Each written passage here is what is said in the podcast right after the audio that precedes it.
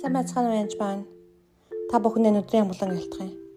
Тэгэхээр ихтгэл доройтдаг өөр олон төрлийн итгэлүүд байдаг. Бас итгэл бас дайсан та нэгсэндээ мэдлэг дутснаас болж энэ бүхэн болдог талаар түрүүчийн подкастуудаар хэлсэн байгаа.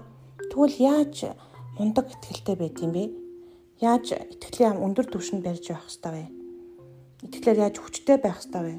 Тэгвэл тэгвэл мэдээж ихний учир нь үг. Бурхныг бол үнэхээр чухал За эхлэл 1-ийн 2-оос 3-ыг уншъя. Газар нь хэлбэржээгүй хоосон төдийгүй оёоргүй гүний гадрууд харанхуй бүрхэж Бурхны сүс унсны мандалтайгүр илэн хальж байлаа. Тэгэхэд Бурхан гэрэл бий болтугай гэж альцсан гэрэл бий болов. Йохан 1-1 Ихэнд үг байсан ба үг Бурхантай хамт байсан гад үг нь Бурхан байв. Тэр үнэхээр үг бол Бурхан байсан. Ихэнд үг байсан баа. Тэгэхээр сүнс усны мандалтай үр илэн хальж нисэж байгаа сүнс мөхний сүнс үнэхээр чухал чухал. Гэтэ үг гарч гэрэл бий болтгоо гэж хэлэхээс нааш гэрэл бий болохгүй байгаа. Бурхан нэг үг хэл хоёр хүн гэрэл бий болтгоо гэж хэлэхэд гэрэл бий болчих. Тэр сүнсийг хэлбэржүүлдэг, хэлбэр дүрсд оруулдаг зүйл бол үнэхээр үг байх. Хинд үг байсан ба үг нь бурхан байсан. Үг бурхантай хамт байсан. Тэр үг байхгүйгээр энэ бүх зүйл ерөөсөй болохгүй гэсэн үг итгэлч гэсэн Бурхны үгээс ирдэг ба. Тэгээ үгэн дээр зөвхөн зөвхөн уншаад зогсохгүй үгийг хэрэгжүүлдэг байх хэрэгтэй. Тэгэхээр бас дахиад нэг ишлэл уншиж үгэй. Еврэ 4:12.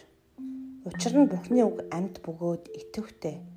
Хоёр талдаа эртээ ямар ч хилдээс хурц бөгөөд сэтгэл хийгээд сүнсийг үе мөч хийгээд нугас чүмгийг салталт нэвтрэн ордог агаад зүхний бодол хийгээд санаагч үг чадвартай юм.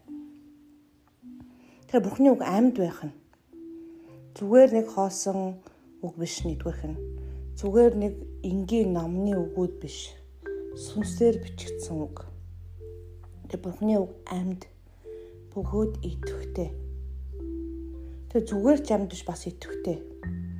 Хоёр талдаа эртээ ямар ч идээс хурц бөгөөд Сэтгэл хийгээд сүнсийг үе мөчийгээд нугасчмгийг салтан нэвтэрдэн нэвтрэн ордог. Агаа зүхний бодол хийгээд санаах чүх чадвартай. Үнэхээр бурхан бидний хин гэдгийг мэднэ гэсэн үг.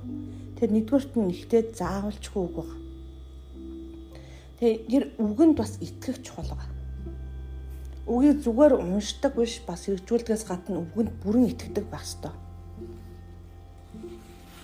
Тэр үгийг Библиэл дээр үнэхээр тэр нь байгаа бол тэгэл байгаа л гэсэн үг. Үгийг мэдэх тусмаа та үннийг мэддэг байгаа. Та үннийг мэдэх тусмаа та улам эрхчлөөтэй бол ตก байгаа. Хуучин мэддэг байсан бас теологийн буруу ойлголт эсвэл хүний заасан ойлголтууд дэлхийн хэлсэн ойлголтуудаас нь бас салах хэрэгтэй гэсэн үг. Жишээлбэл энгийн нэг жишээ хэлье Бурхан чамаа өвтгсөн. Чи буруу зүйл хийсэн гэж хэлж байгаа. Харда Паул ч гэсэн бурхан өргөс өгсөн гэж ярьдаг. Паул бурхан өргөс өгсөн гэж юу? 2 дугаар Коринти 12-ын 6-гийн 7. Паул үнэхээр ичрэл даваад мундаг байгаа юм л да. Өөрөөгөө хит төвлөхөөс сэргийлж намайг сатааны зарлага илж дэлсэн. Намайг хин дэлсэн гэж байна. Сатааны зарлага илж. Сатааны шүү. Хин явуулсан байна? Сатан. Бурхны зарлага гэж дэлсэн гэж хэлээгүй байгааз. Бурхан сатан хоёр нэг юм шиг ярьдаг хүмүүс хүртэл байдаг. Уучлаарай цагдаа хулгайч хоёр нэг биш.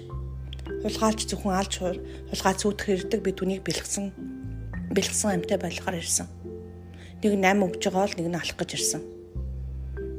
Нэг нь түүнийг уучлсан бол нэг нь түүнийг буруутгах гэж ирсэн дайсан хүн хоёроо дайсан бурхан хоёроо ялгаж сурна гэсэн.